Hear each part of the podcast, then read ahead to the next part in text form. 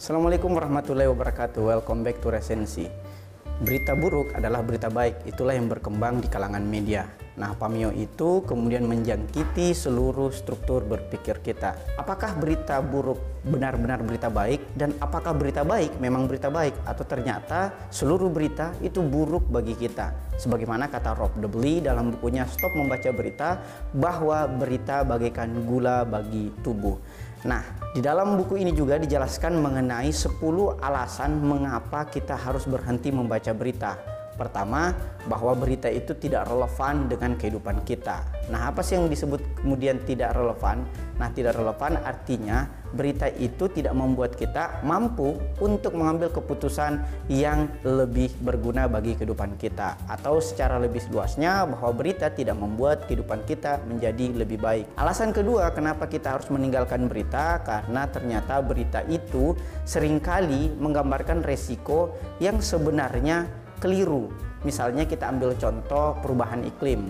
Nah, perubahan iklim yang digambarkan oleh media hanyalah sebatas peminimalisiran penggunaan plastik. Padahal eh, bencana iklim itu bisa menjadi lebih besar lagi misalnya eh, dijelaskan oleh Bill Gates dalam bukunya Climate Change. Nah, alasan ketiga mengapa kita harus berhenti membaca berita bahwa berita itu sebenarnya membuang-buang waktu kita. Silakan periksa durasi layar Anda. Mungkin Anda akan kaget ketika mendapati 4-12 jam setiap hari kita berada di depan gadget kita. Ambil contoh misalnya ketika kita mengonsumsi berita-berita di media online. Itu belum termasuk kepada media sosial yang sebenarnya banyak juga menyerang psikis dan mental kita. Mulai dari explore, timeline, baik itu di Facebook, Twitter, YouTube, dan sebagainya.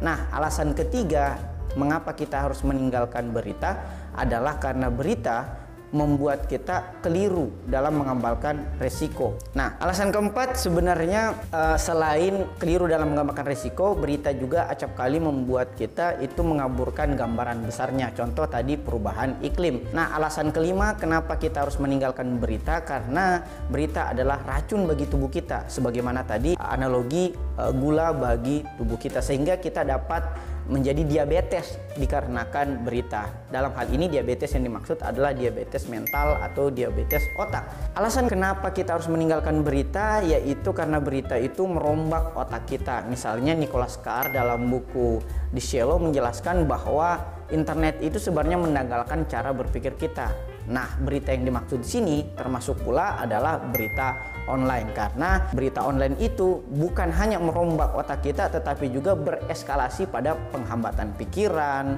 mematikan kreativitas dan menghancurkan kedamaian pikiran kita apalagi berita online karena berita online sangat mudah proses penyebarannya. Alasan ketujuh mengapa kita harus meninggalkan berita karena berita justru mengkonfirmasi kesalahan-kesalahan kita. Mungkin disebabkan oleh kecanduan kita dalam mengonsumsi berita buruk sehingga yang tampak di hadapan kita dan kemudian mengkonstruk pola pikir kita adalah keburukan-keburukan yang kita konsumsi dari berita tersebut. Maka solusinya adalah bacalah berita-berita yang sebenarnya sesuai dengan lingkar kompetensi kita. Misalnya saya yang berlatar belakang hukum.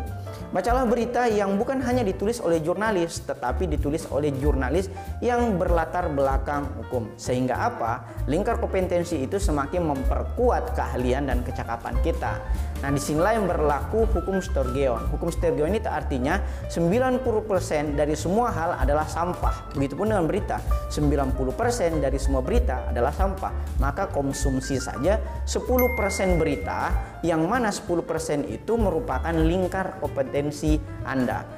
Nah, Alasan kedelapan mengapa kita harus meninggalkan berita karena berita sebenarnya memperkuat bias kita. Nah, bias yang dimaksud di sini mulai dari bias kilas balik, bias ketersediaan, membuat opini bergolak, menghasilkan ketenaran palsu, misalnya gosip selebriti nih.